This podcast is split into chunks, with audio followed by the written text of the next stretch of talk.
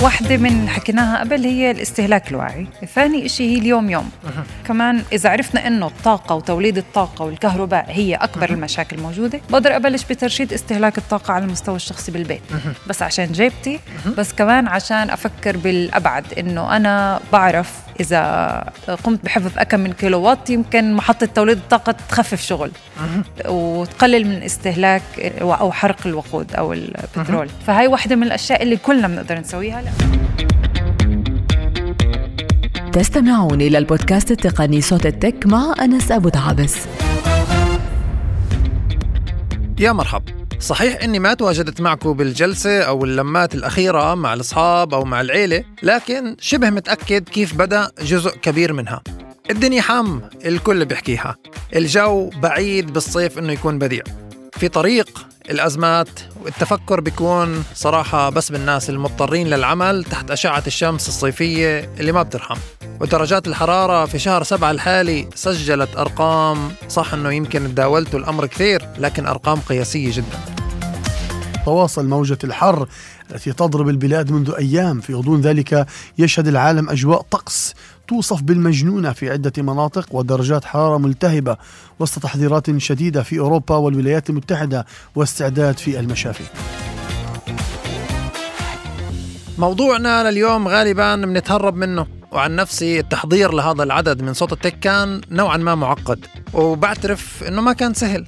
مصطلحات مثل الاحتباس الحراري التغيير المناخي وغيرها طالما فضلنا ما نوجع راسنا فيها. يمكن لأنها علمية أكثر من اللازم وممكن لأن همومنا اليومية أكثر ملحة منها. لكن مع تزايد الأخبار العالمية عن حرائق في أوروبا وأثار درجات الحرارة الممكنة على الأجيال القادمة فرصة نتوقف للحظة ونفهم الأثر اللي بنتركه ورانا على الكرة الأرضية. والحديث مش بس عن المخلفات أو تقليل مساحة الغابات وكثير من حركة الطائرات كمان على نمط حياتنا التقني لأنه لازم نحكي بالخصوص البيئي والانعكاسات على التغيير المناخي. دون شك التكنولوجيا سهلت حياتنا كثير مش شوي. والتقنيات تحسنت من المستوى الطبي ليحمي حياتنا. التواصل شبه المجاني صار أمر مفروغ منه وبيخلينا نلتقي مع الخلان حتى لو كانوا باليابان. وحتى السيارات اللي صارت ذكية تقلل من الحوادث وتكون أكثر أمان وكمان ودودة أكثر مع البيئة.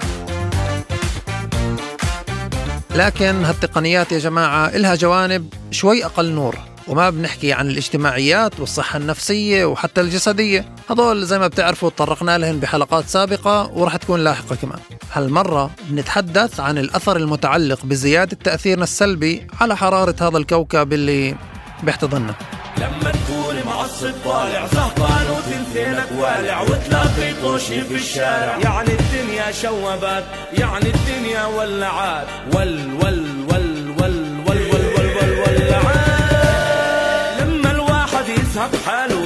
حتى يكسر جواله ويقعد يتفشش في عياله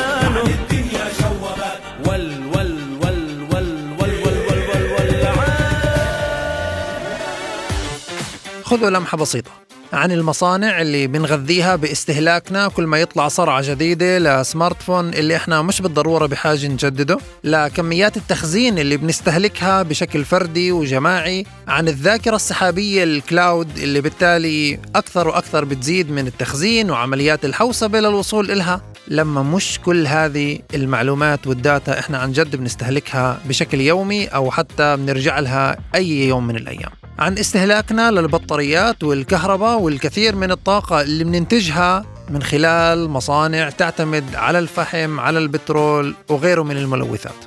وكمان ما ننسى أو بتعرفوا إيش؟ استنوا الحلقة نفسها. خلونا نخلي بعض الأمثلة للحلقة والضيف المختصة اللي وصلتنا اليوم لتحدد لنا آثار الجانب اللي إحنا بنقوم فيه على البيئة من خلال التكنولوجيا. حلقة خاصة في صوت التك. على أمل نطلع فيها مع أمور تساعدنا بالتفكر أكثر. بس كمان أدوات عملية نقوم بتنفيذها لحتى أحفاد أحفادنا ما يعيشوا بدرجات حرارة أقرب لتكون مناسبة لأفران طابون أكثر من كونها لحياة بشرية. المكيف على الآخر وكاسة مي. جاهزين؟ لوج إن انطلق انطلق انطلق انطلق المستمعات والمستمعين الرقميين غير الافتراضيين. أهلا وسهلا فيكم من جديد. حلقة جديدة من صوت التك ويعني الدنيا حم. حم على الآخر حم. اللي موجودين بالسيارات الدنيا حم. اللي بيعملوا رياضة الدنيا حم. آه على الأغلب آه، إذا نهار أو ليل بالحالتين الدنيا حم. وإحنا جايين نحكي عن هذا الموضوع. سمعتوا بالمقدمة ولابد إنه هذا الشيء الأول اللي إحنا كان لابد أيضا نتطرق من خلاله من صوت التك. كيف وليش وشو علاقة التكنولوجيا بالموضوع. لهذا السبب آه، جايبين معنا مختصة في هذا المجال لتحكي لنا عن الموضوع. فبنحكي أهلا وسهلا بألاء عبيد. مرحبا أهلين. آه، ألاء آه، يعني أولا راح أحكي التعريف وتمني لي أنه أنجح بأنه أحكي كل الأشياء صح؟ باحثة ومتخصصة في شؤون البيئة والمناخ. ألاء عبيد مديرة لمشروع بناء القدرات المحلية والصمود أمام التغيير المناخي. في جمعية الجليل حكيته صح مزبوط؟ للصمود. للصمود آه فبرضه غلطت. آه، درست علوم الصحة البيئية في هداسة الجامعة العبرية بالقدس.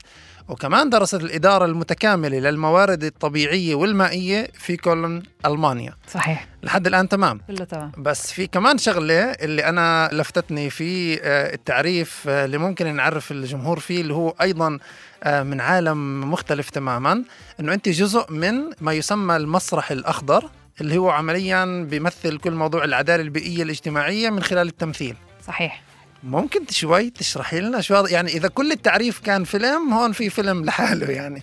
فشو بالضبط المسرح الأخضر؟ آه، كانت هي مجموعة من أصدقاء اللي هم بالعلوم اللي حاولوا يقولوا أنا بدي أوصل للناس بس العلوم ممكن تكون معقدة وصعبة و... وننتقل من الدماغ للجسد.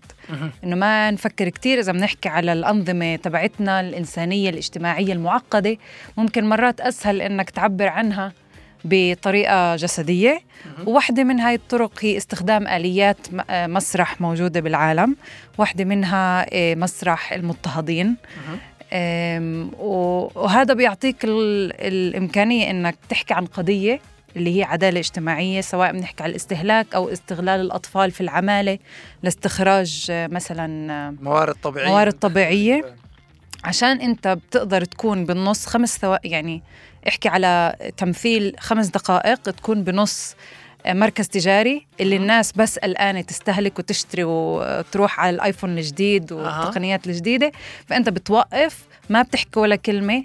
تيجي مجموعة بتمثل مشهد اللي هو صادم آه، اللي ممكن يوقف الناس شوي ويعطيهم آه، ثانية ليفكروا. إيش ممكن يكون في مشهد صادم من هالقد؟ عدد قليل من الوقت ممكن يخلي إنسان يوقف لحظة قدام إنه يشتري كمان آه، أداة جديدة تكنولوجية اللي صارصه على الدنيا. أم، واحدة من الأشياء اللي آه، صارت بألمانيا مجموعة أخرى هي نشطاء بيئيين مجموعة من الأشخاص حاطين حبل مشنقة وواقفين على آه، بلوك من قطعة آه، ثلج. آه، هاي القطعة بتدوب شوي شوي بتورجي إنه لما تدوب إحنا رح نموت.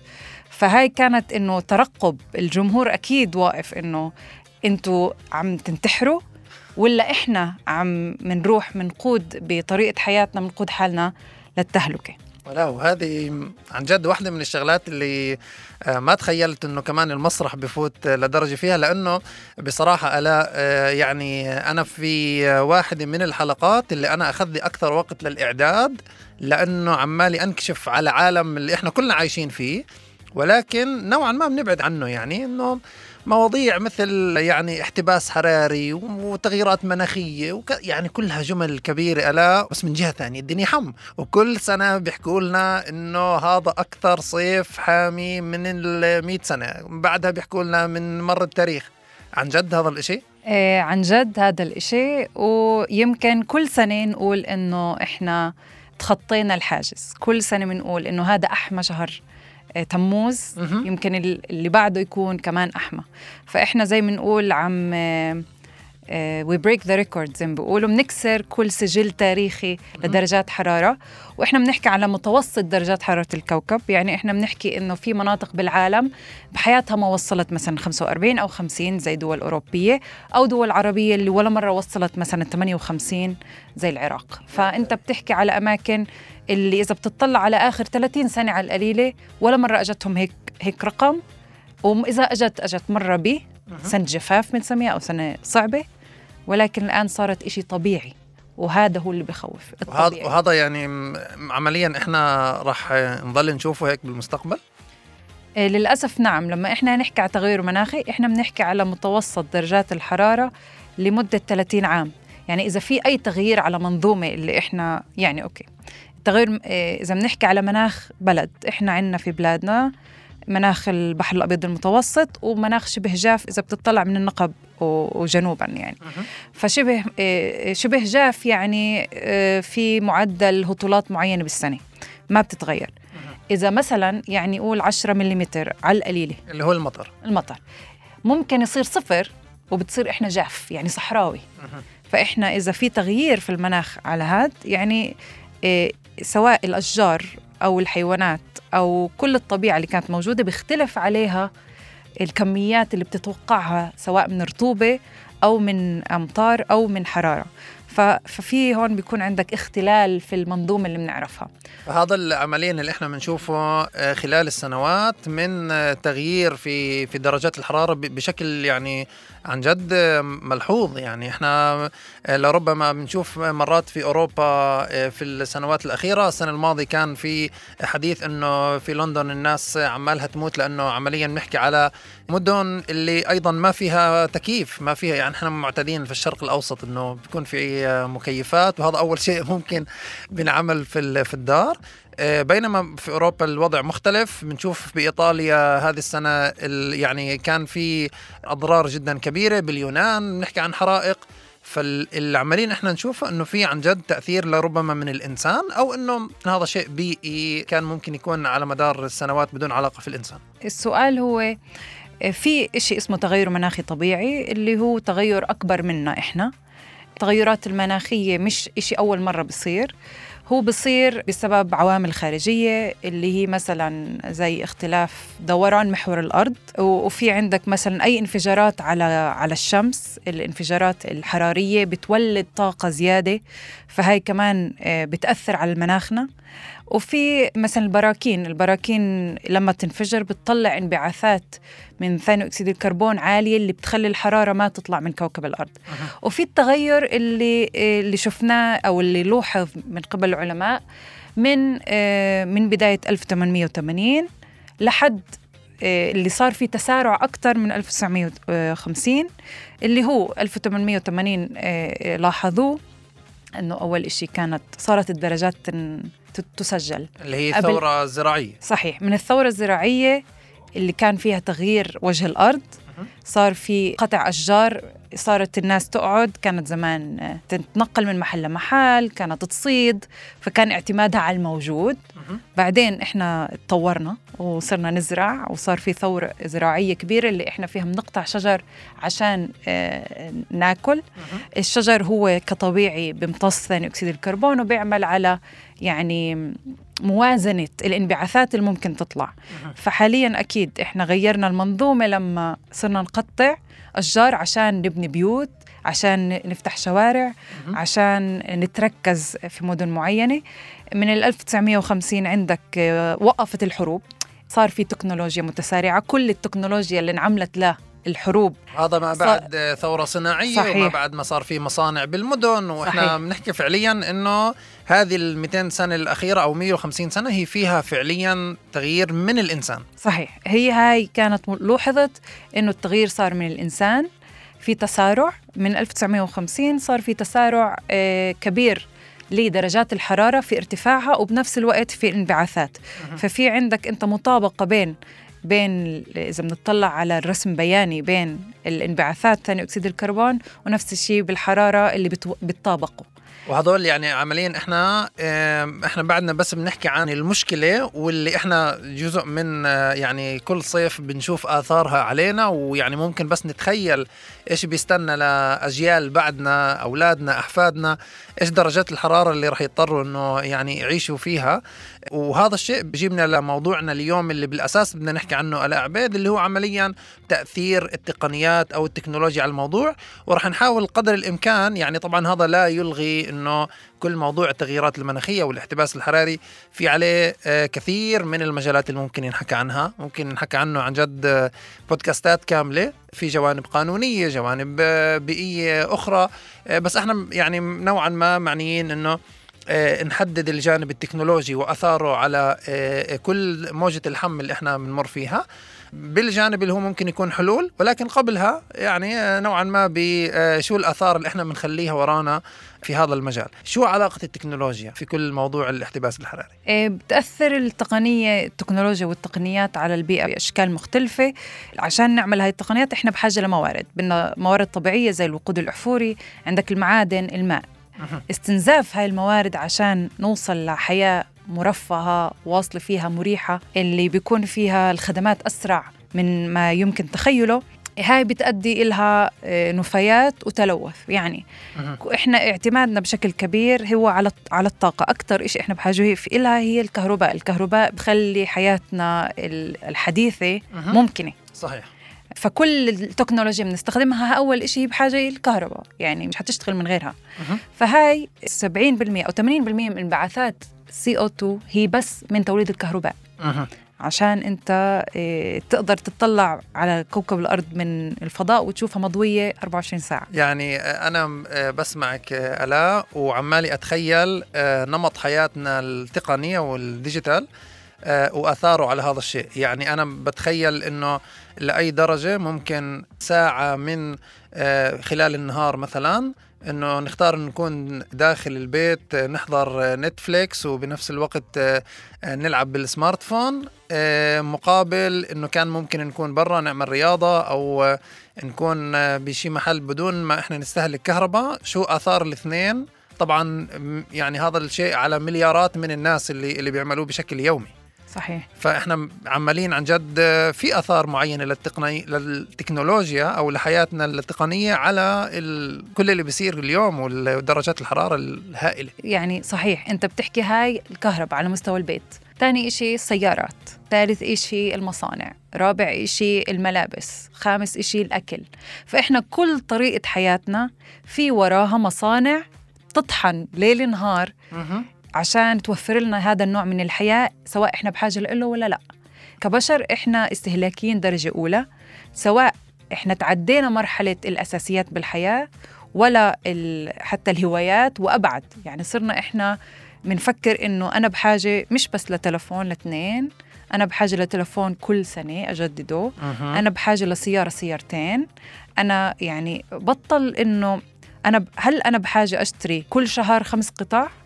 إنه الواحد بالسنه بحاجة ممكن بالعيد اشتري ممكن تشتري بالعيد أو تشتري إذا بدك آه، عشان نكون منصفين الاء وعشان المستمعين اللي بيسمعونا حاليا في أداة تقنية معينة إن كان بسيارة مثل ما إحنا بنحكي أو اللي بيسمعونا عبر منصات الاستماع بنحكي عن نوعا ما شو إحنا لما بنعمل على الأقل يكون في وعي للآثار اللي إحنا بنعملها من خلال استهلاكنا لأي من الأدوات اللي ذكرتيها. يعني إحنا اليوم موجودين في نمط حياة على المستوى الفردي وعلى المستوى الجمعي اللي هو متعلق بهذا الشيء. بس هل فعليا يعني إذا معني أنا أفوت بهذا الجانب هل إحنا على صعيد شخصي؟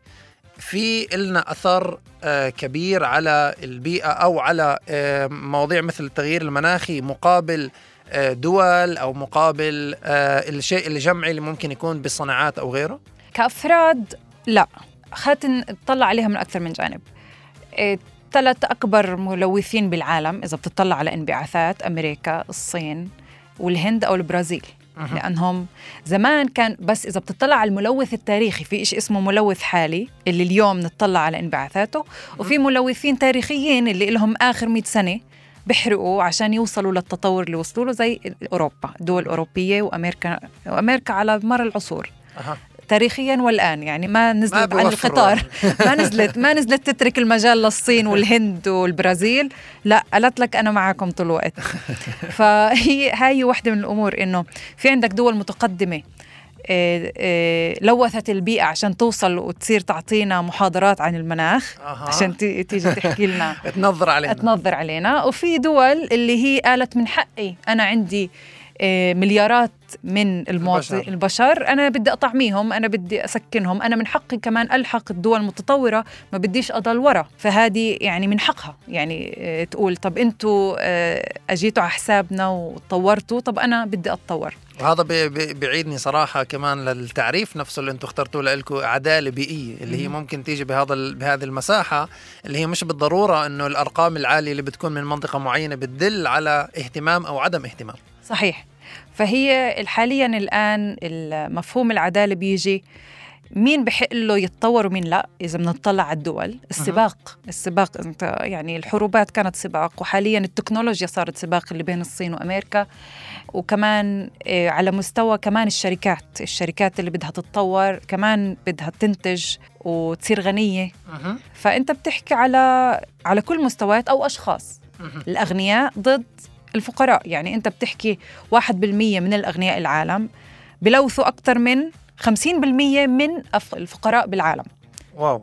تحكي عن يعني فرق شاسع جدا بمجرد إنه يمكن إنسان من هالنوع اللي هو يعني لما أنا بحاول أتخيل حياة إنسان آه، يعني, يعني. بذخل لا بحكي على ال- آه. على البذخل في ممكن يكون عنده آه، غناء فاحش يعني ممكن إنه بيطلع طيارة كل أسبوع ممكن إنه كذا سيارة موجودة عنده طبعا ال- المكيف لازم يشتغل 24 ساعة على سبع أيام بالأسبوع بغض النظر مين موجود بالدار فبنحكي على هذا الكم من آه، ممكن يكون التلوث أو الانبعاثات اللي ممكن تطلع من هذا الشخص مقابل عمليا شخص اللي هو ساكن في بيت آه، بسيط آه، اللي نمط حياته معتمد على الزراعة ومش معتمد على آيفون كل كل شهرين بس يطلع شيء جديد. صحيح. أو واحد إذا بدنا نحطها بالسياق المحلي واحد ساكن في فيلا أو كوندو أو في تل أبيب وحدا ساكن في مخيم. قباله 40 دقيقة بعيد عنه. فأنت بتحكي على نمطين حياة موجودين استهلاك مختلف للموارد وحقوق مختلفة. فأنت بتحكي على عدالة أو ظلم اللي موجود على اللي معاه واللي ما معاه بس من ناحية اللي معاه يتصرف بالمصادر زي ما بده. فمين بيمسك المصادر الطبيعية اللي اللي هي على أساس كانت حق للجميع حق بالهواء حق في الماء حق في الأرض اللي صار حاليا سلع؟ اللي بيقدر يقدر ياخده واللي ما بيقدر مشكلته. فإحنا أنا بتخيل يعني قد إيه كمية الأشياء اللي ممكن فعلا بنمط حياة آه، اللي إحنا ممكن يعني نتخذه لأنفسنا يكون في لنا أثر. وطبعا ال- الحديث هو مش على شخص واحد إنما على مجتمع باكمله على على وعي آه، كامل اللي ممكن يكون لدول. لكن قبل ما نفوت للآثار الشخصية اللي ممكن تكون وشو ممكن نغير على المستوى الشخصي إحنا بحاجة آه، نطلع لفاصل استهلاكي ولا فاصل آه، إعلاني. بعدها بنرجع بكل آه، التكملة اللي ممكن تكون عن موضوع تأثيرات التقنيات على البيئة والمناخ بشكل عام مع المختصة في الشؤون البيئية والمناخ. ألاء عبيد فخلونا على البال بنرجع لكم بعد الفاصل. تستمعون إلى البودكاست التقني صوت التك مع أنس أبو دعابس المستمعات والمستمعين أهلا وسهلا فيكم من جديد. صوت التك بحديثنا هذا الأسبوع عن موضوع الحرارة والاحتباس الحراري اللي حوالينا بكل محل مع المختصة في الشؤون البيئية آلاء عبيد أهلا وسهلا فيك من جديد. آلاء واحدة من الشغلات اللي كانت قبل آه، عدة سنوات آه، جابت موضوع التغيير المناخي والاحتباس الحراري على آه، المنصات الدولية. كانت صبية أو بالأحرى طفلة باسم جريتا تونبرغ اللي هذه الصبية اللي يمكن أنتم مش الكل بيعرف الاسم بس أكيد الكل شاف الوجه والكل بيعرف هذه الصبية اللي دائما عندها حرارة ودائما طاقتها فل. وبتحكي عن آه، كل مواضيع حماية المناخ والسياسيات ال- البيئة والنشاط وما إلى ذلك. وهذه الناشطة لدرجة أنه آه، يعني أثرت آه، مش بس على دول حتى على صعيد آه، يعني محلي والعائلة. آه، هذه العائلة أخ- اتخذت آه، قرار أنه ما تطلع بالطيارات وما إلى ذلك. فبنحكي عن شخصية اللي عملت أثر آلاء على مستوى دولي.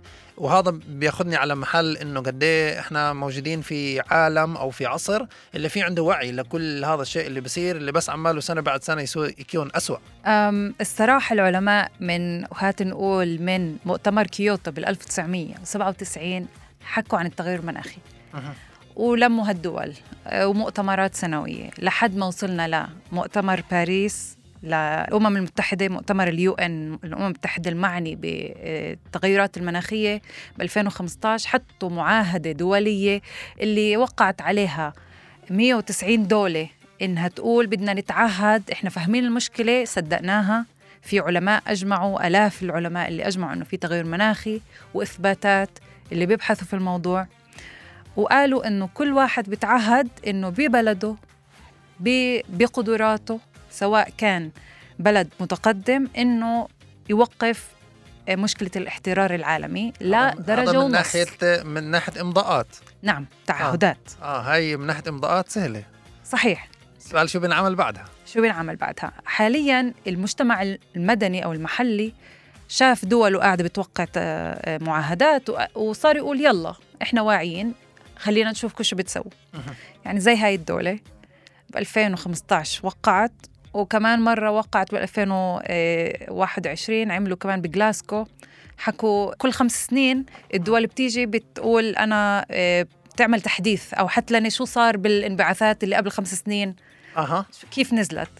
مثلا بهاي الدولة قالوا إنهم بدهم ينزلوا 30% من الانبعاثات بس سنة 2015 أول إشي بيشوفوا انبعاثات اللي طلعت من هاي الدولة 2007 بقولوا بدنا نرجع لها. يعني هي هاي الصفر هذا المستوى اللي بدنا نرجع له.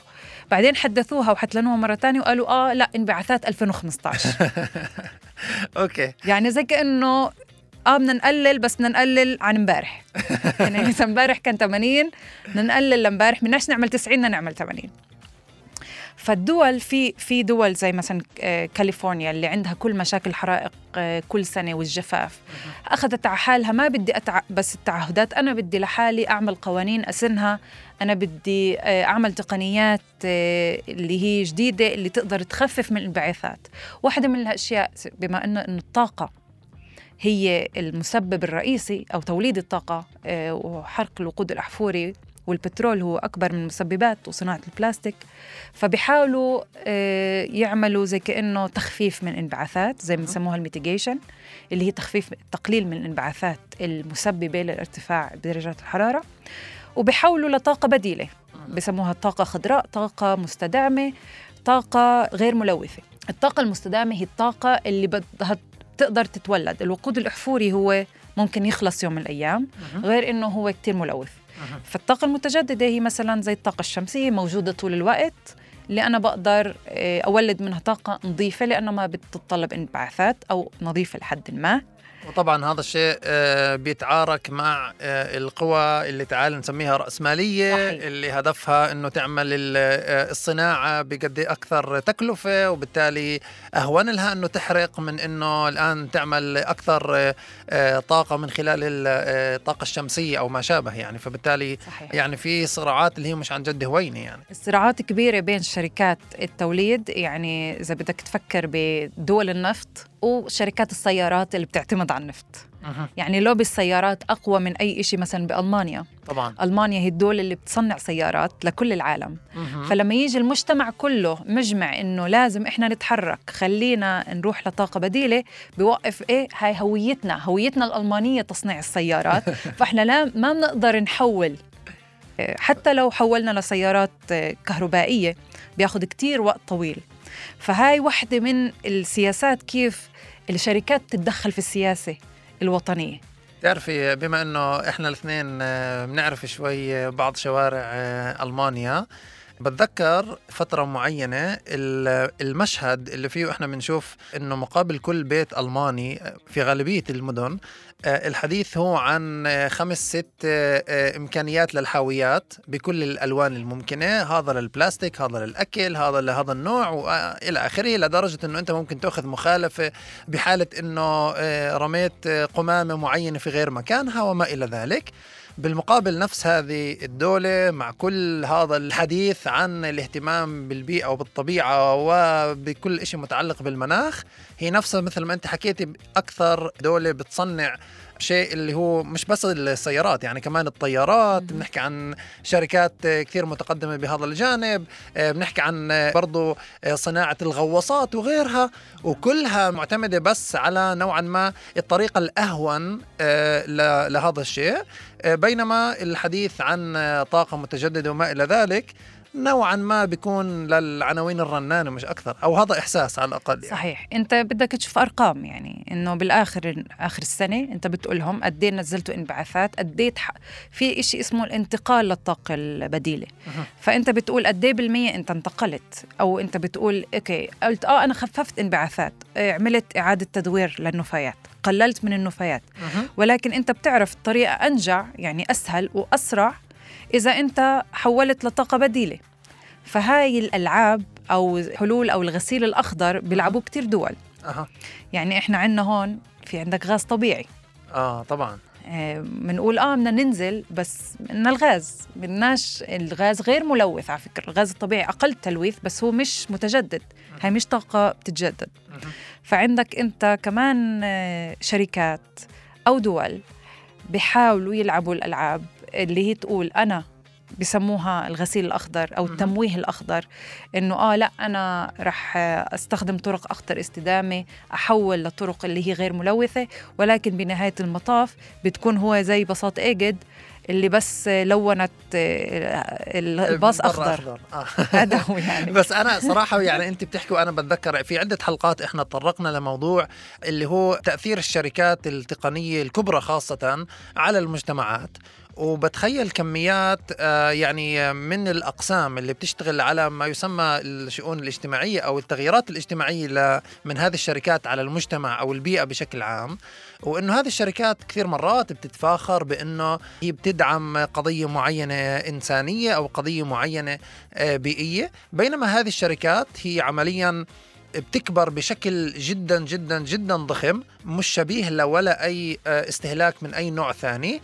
وهذا بيكون على حساب تصنيع أكثر آه، يعني استخدامات ل آه، تعال نحكيها الشيب أو كل ما يخص التقنيات اللي هي بتعتمد على زيادة أثر الناس على التغيير المناخي اللي إحنا بنحكي عنه اليوم.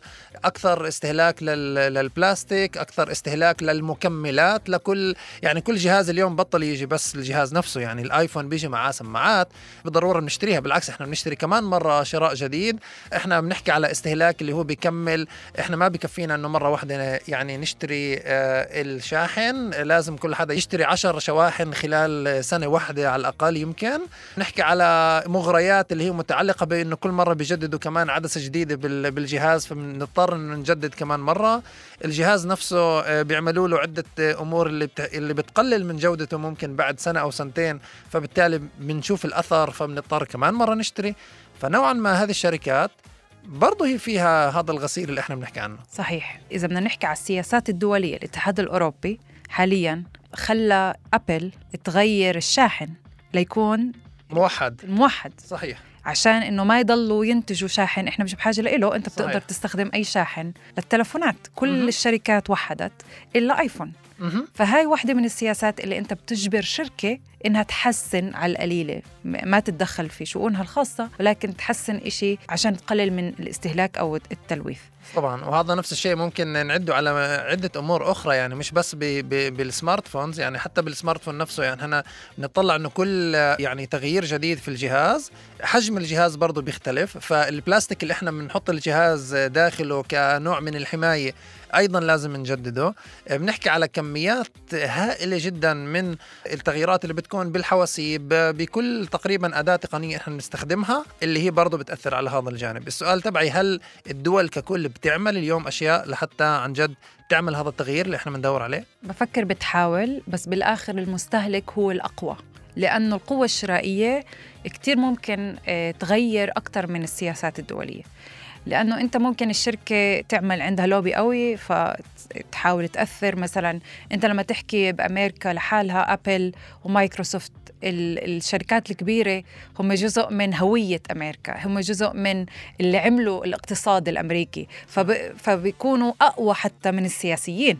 يعني وبيحكوها كتير. ونفس الشيء سامسونج في كوريا. يعني في كوريا آه، حضرت هذيك المرة documentary بيحكي على إنه كثير من العمال اللي كانوا يشتغلوا في شركة سامسونج كان عندهم حالات آه، سرطان بهاي المعامل وسكروا على الموضوع وما حاسبوهم لأنه آه، كوريا بتعتبر إنه هاي شركة وطنية.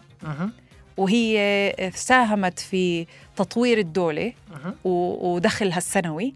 فيتم إنه تعتيم على هاي المشاكل القضائية. بنعفوا عنهم بهيك شغلات. حتى وناس ماتت. كتير أشخاص يعني 110 إذا مش غلطانة توفوا بسبب بآخر 30 سنة. ولكن ما كانش أي محاسب. فأنت بتحكي على شركات ممكن تأثر على سياسات دول وحتى على العدالة في جوا الدول. ليه؟ لأنه تأثيرها الاقتصادي صار أكبر. فإحنا هون بحاجة للأشخاص. الأشخاص بقوتهم الشرائية بيقدروا يقاطعوا. يعني أنا قبل 15 سنة كبيئية أول ما سمعت إنه شركة كوكا كولا ببيرو أو بوليفيا أو برازيل لما إيه، عندهم جفاف آه، باخذوا البير بير المي أكبر بير مي وباخذوا عليه الحقوق. يعني حتى بتصير آه، آه، عشان أنت كل ما عشان يصنعوا المنتج. المنتج بتصير سعر الكولا أرخص من سعر المي ونفس الشيء صاروا كمان كوكا كولا تطلع أزازات مي أو أناني مي فأنت بتقول أنا من مستهلك واعي وبيآمن بالعدالة وبيآمن بالحقوق الإنسان. بقول إنه لا زاكي ولا مش زاكي إيه مشروب المفضل ولا مش مشروب المفضل؟ بالآخر في ناس ما عندها اللي هو من جانب قيمي من جانب أنا قيمي. أنا, أنا بتخذ قراراتي الاستهلاكية. وخلص بضل مكملة عليه لأنه في بدائل. لما أنا يصير عندي استهلاك واعي أنا قوي أنا كمستهلك قوي أنا بصير أقول سواء أنا رفعت الوعي أو حتى كانت مجتمعات أو ضغطت على سياسيين يعملوا يحدوا من أثر هاي الشركات الكبيرة. هيك أنا بصير واعي أكثر من إنه أبطل أشتري. كمان أكيد إنه واحد أول إشي أضعف الإيمان إني أبطل أشتري. ثاني إشي إني عن جد أعمل زي يكون عندي وعي عن جد بيئي اجتماعي. أه. إحنا بنفكر النضال البيئي مش جزء من نضالنا للأسف. وبفكر إنه لما الناس تشوف إنه القوة على الأرض سواء بهاي الدولة أو غيرها مرتبط ارتباط كبير بالمصادر الطبيعية. بفهم إنه أنا عن جد إن النضال البيئي هو جزء من النضال الوطني.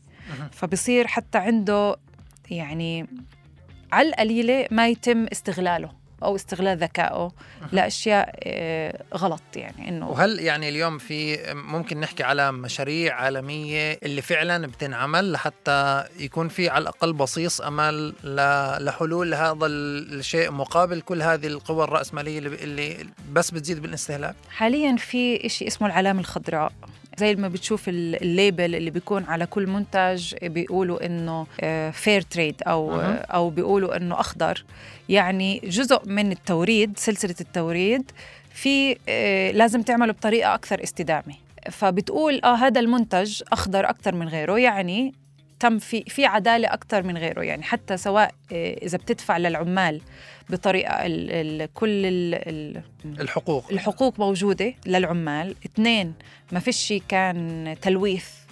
آه ما كانش كان في طريقة إنه يقللوا من التلوث أو يغيروا أو في عندهم إعادة تدوير.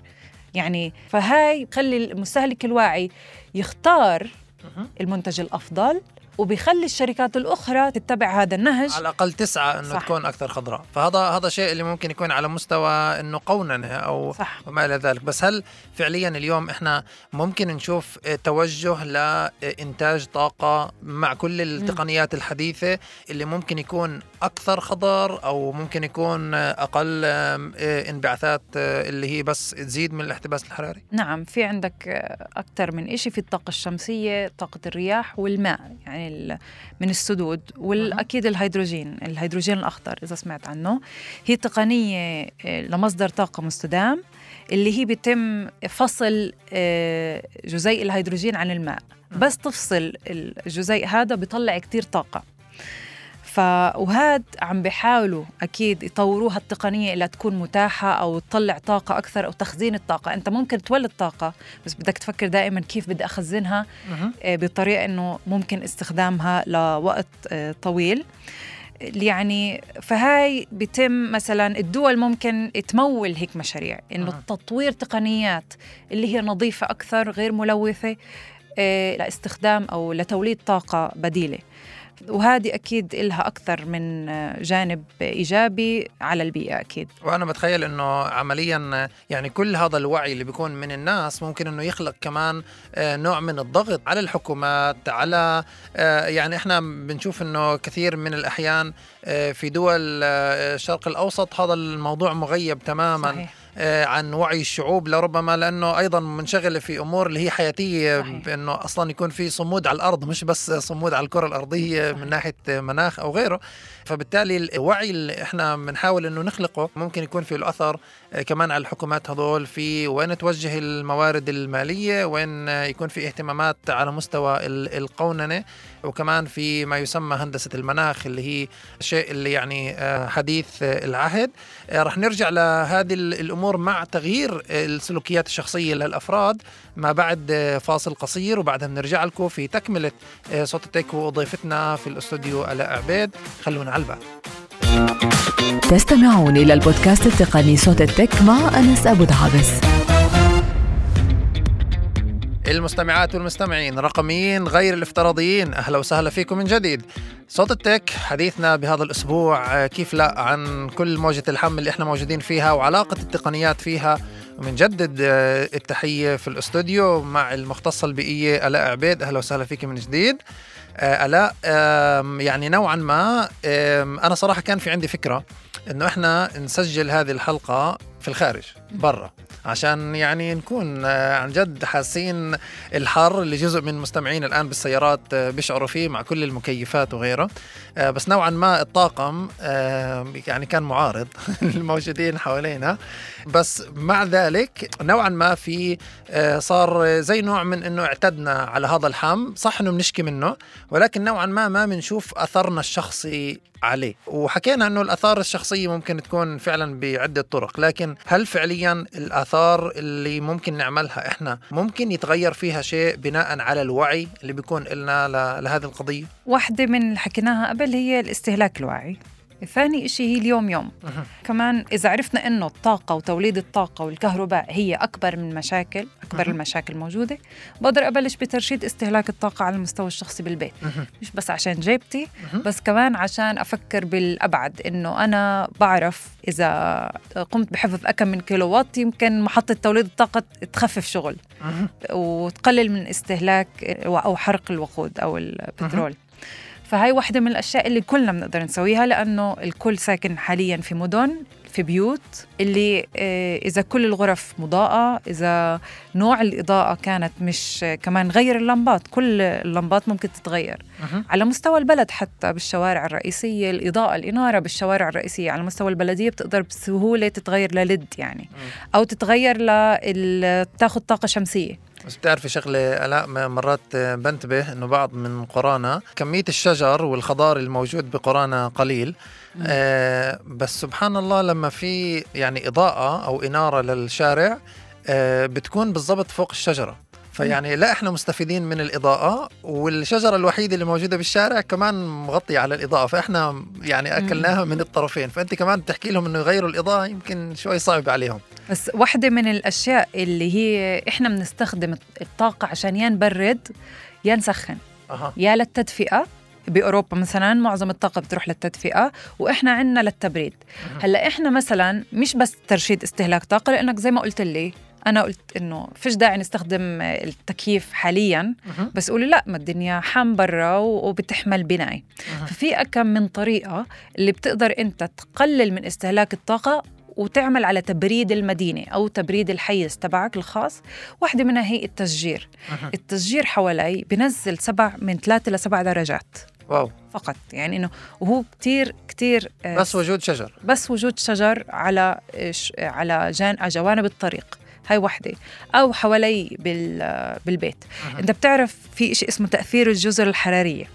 الجزر الحرارية هي المدن. المدن بيتم تسخينها خلال النهار بسبب وجود الأبنية لأنه الشارع الإسفلت آه، بتعرف أنت ال albedo effect اللي هي بتمتص الطاقة خلال النهار. الأبنية ال- البناء الإسفلت الأشياء الغامقة تسحب حرارة. وبيتم إعادة إطلاقها بالهواء بالمساء. على أساس إحنا عشان هيك بالليل كمان تضطر لسه بتكون حامية. تكيف. ما هو لسه بتكون حامية. ليه؟ لأنه ال- المدن بتحبس الحرارة جواها الفرق بين قرية ومدينة بالحرارة بتكون كمان 3 ل 7 درجات.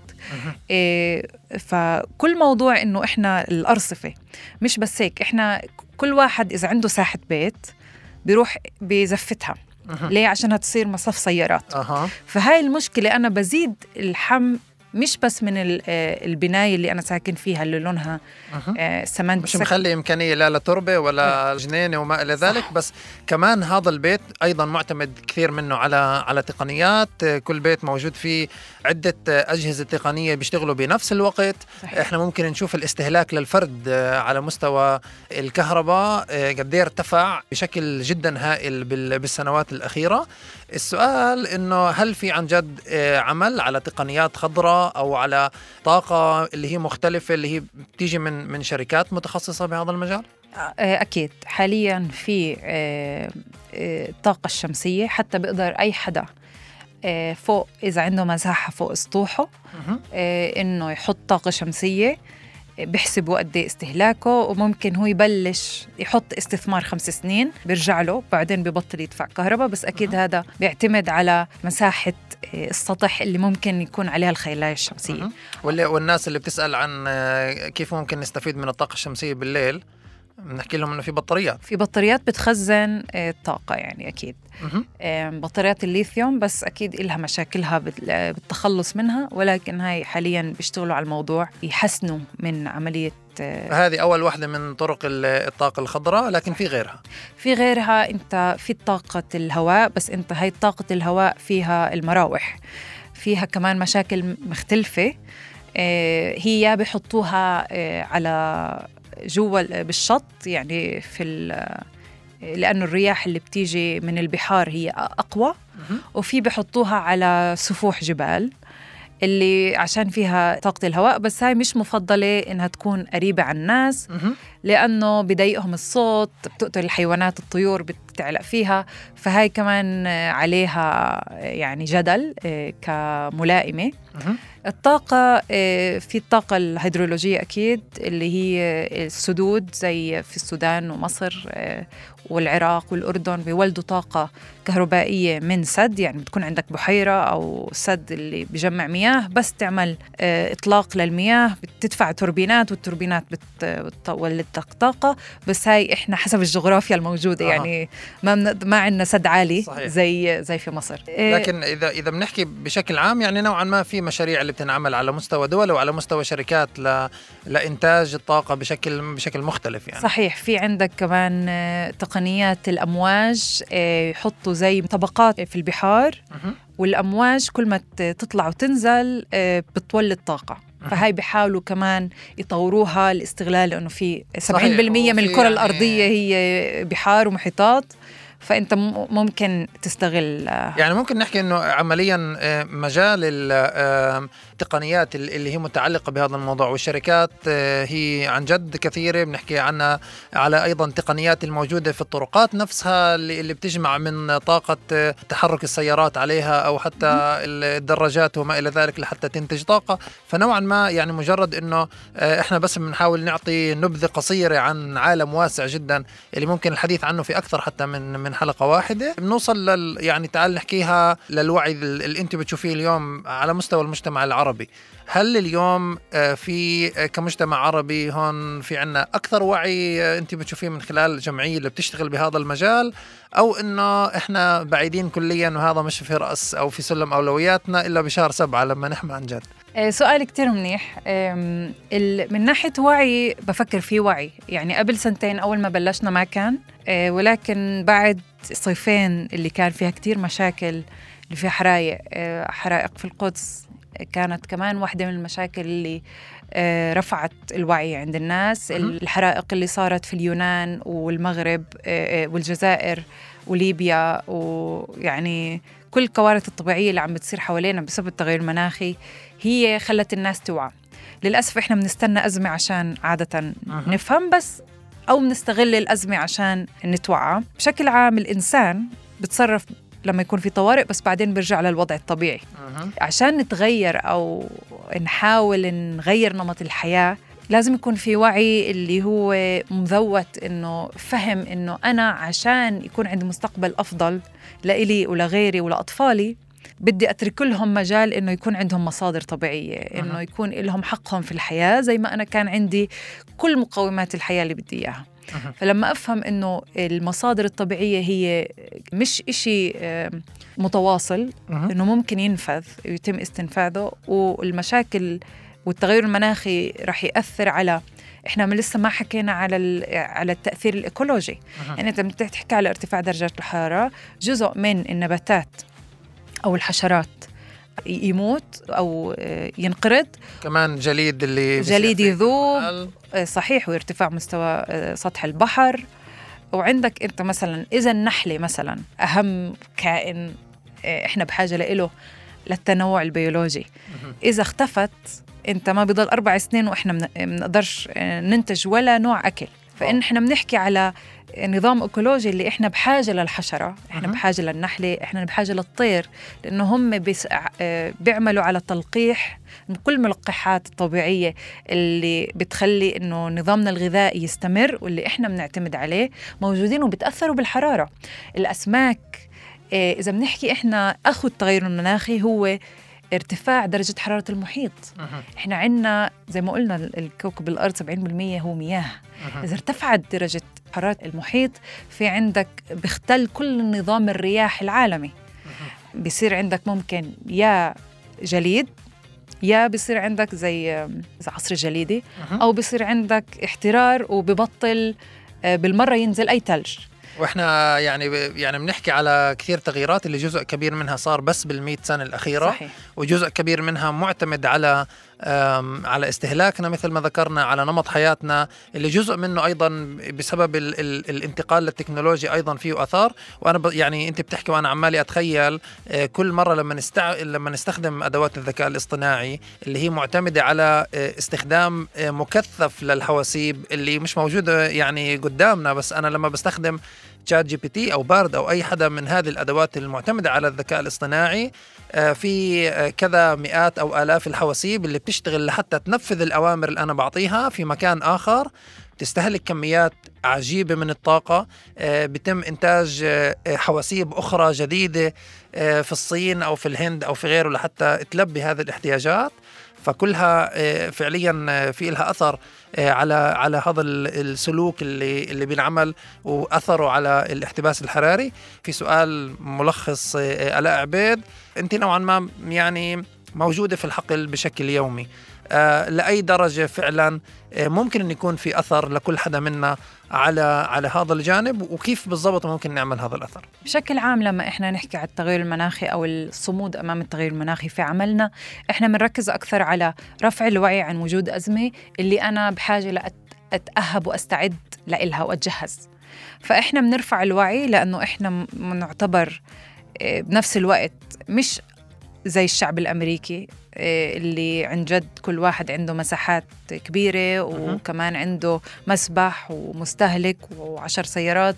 وخاصة في مجتمع عربي اللي هو أصلا آه، بيتم التضييق عليه بشكل أكثر من غيره فبحالتنا إحنا آه، الأمر يعني بأضعاف مختلفة صحيح أنا ما بحط اللوم أو ما بحط المسؤولية على أفراد اللي لسه عم بيحاولوا يلبوا احتياجاتهم الأساسية. أنا أكثر بقول إحنا وضعنا خاص إحنا موجودين آه، عندنا هشاشة للتغير المناخي أكثر من غيرنا فإحنا لازم نتأهب ونتحضر فإحنا بنركز على مش تخفيف الأزمة قد ما أول إشي بالدفاع الأول كيف أنا بدي أحمي حالي وعيلتي وأتجهز لهيك إشي. فجزء من عملنا هي التوعية بس أكيد كمان مبادرات مجتمعية آه، أو حتى آه، نعمل على تغيير كمان السياسات أو حتى طريقة العمل بتوعية البلدية أو توعية أصحاب الشأن إنه يفهموا إنه آه، أنا لقدام إذا بدي أحكي على حرارات مرتفعة أنا راح لازم أحكي على آه، الطاقة اللي لازم تستهلكها بزيادة البلدية اللي هي أصلا ماديا عندها كتير فواتير تدفعها. عندك أنت إذا الجناين بدنا نحكي إذا في جناين. بنحكي على آه، آه، بدها تزيد آه، فاتورة المياه إنك تسقي هاي الجناين. إذا في عمال بالخارج عندك الجناينية أو اللي بينظفوا عمال النظافة مش رح يقدروا يشتغلوا بساعات معينة بالنهار. في عندك الأطفال اللي بدهم يروحوا على المدارس. رح يكون الطريق من البيت للمدرسة صعب إني أمشي فيه. إذا بنحكي على كبار في السن فوق ال 65 آه اللي بيموتوا من درجة الحرارة المرتفعة. فإحنا بنحكي على إحنا كيف لازم نتأهب كمجتمع لكل هاي المشاكل. كيف إحنا ممكن نتحضر ونستعد لكل مشاكل التغير المناخي من ناحية صمود.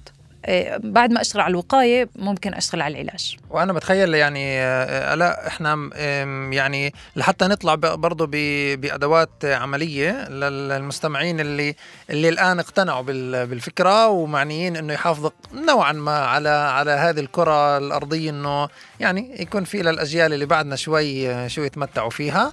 شو إحنا ممكن نعمل على صعيد تقني بهذه الحالة؟ لحتى يعني نوعا ما نساعد في في حل هذه الأزمة. على صعيد تقني أكيد إيه، التشجيع البلدية أو المجلس اللي أنا ساكن فيه إنه نروح لطاقة بديلة. حل البنايات العمومية. العمومية.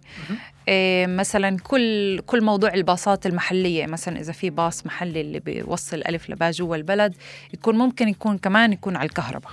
هذا إشي تقدر البلدية تتحول له أو المجلس. تقليل استهلاك السيارات يعني آه، وكمان نهيئ المدينة المدن المستدامة نهيئ المدينة تكون قابلة للمشي. أنا ما بقدر أمشي على المدرسة إذا أصلا ما عندي رصيف اللي هو مظلل.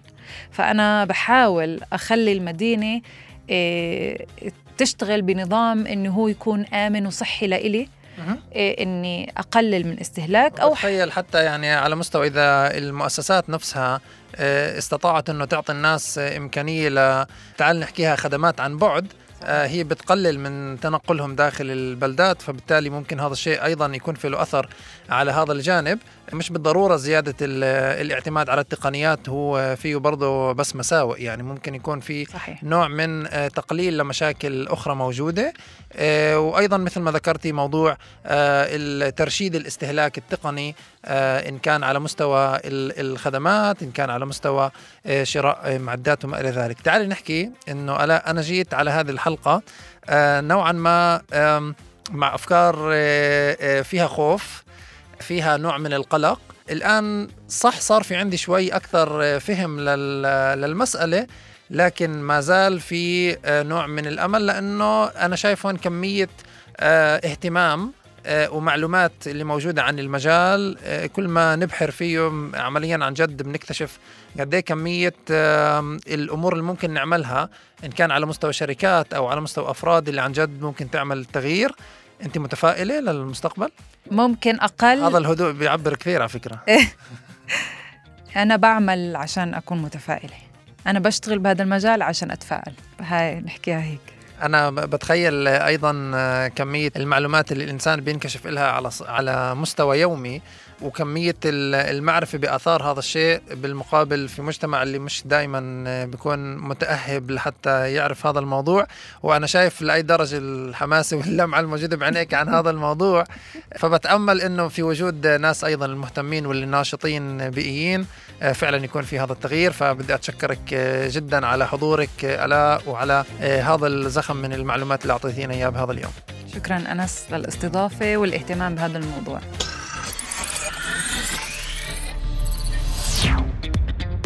ما تنسوا متابعتنا عبر تطبيق راديو الناس وجميع منصات الاستماع Google Podcasts Apple Podcasts و Spotify. الشكر طبعا موصول للزملاء على الهندسة الإذاعية محمد علي أبو ليل والياس مرجية وفي ال digital جواد العمري. أنا كنت معكم أنس أبو دعابس بالتقديم والإعداد. نلتقيكم بالأسبوع القادم مع ضيف جديد ومواضيع أخرى من عالم التقنيات والتسويق. إلى اللقاء. إلى اللقاء, إلى اللقاء.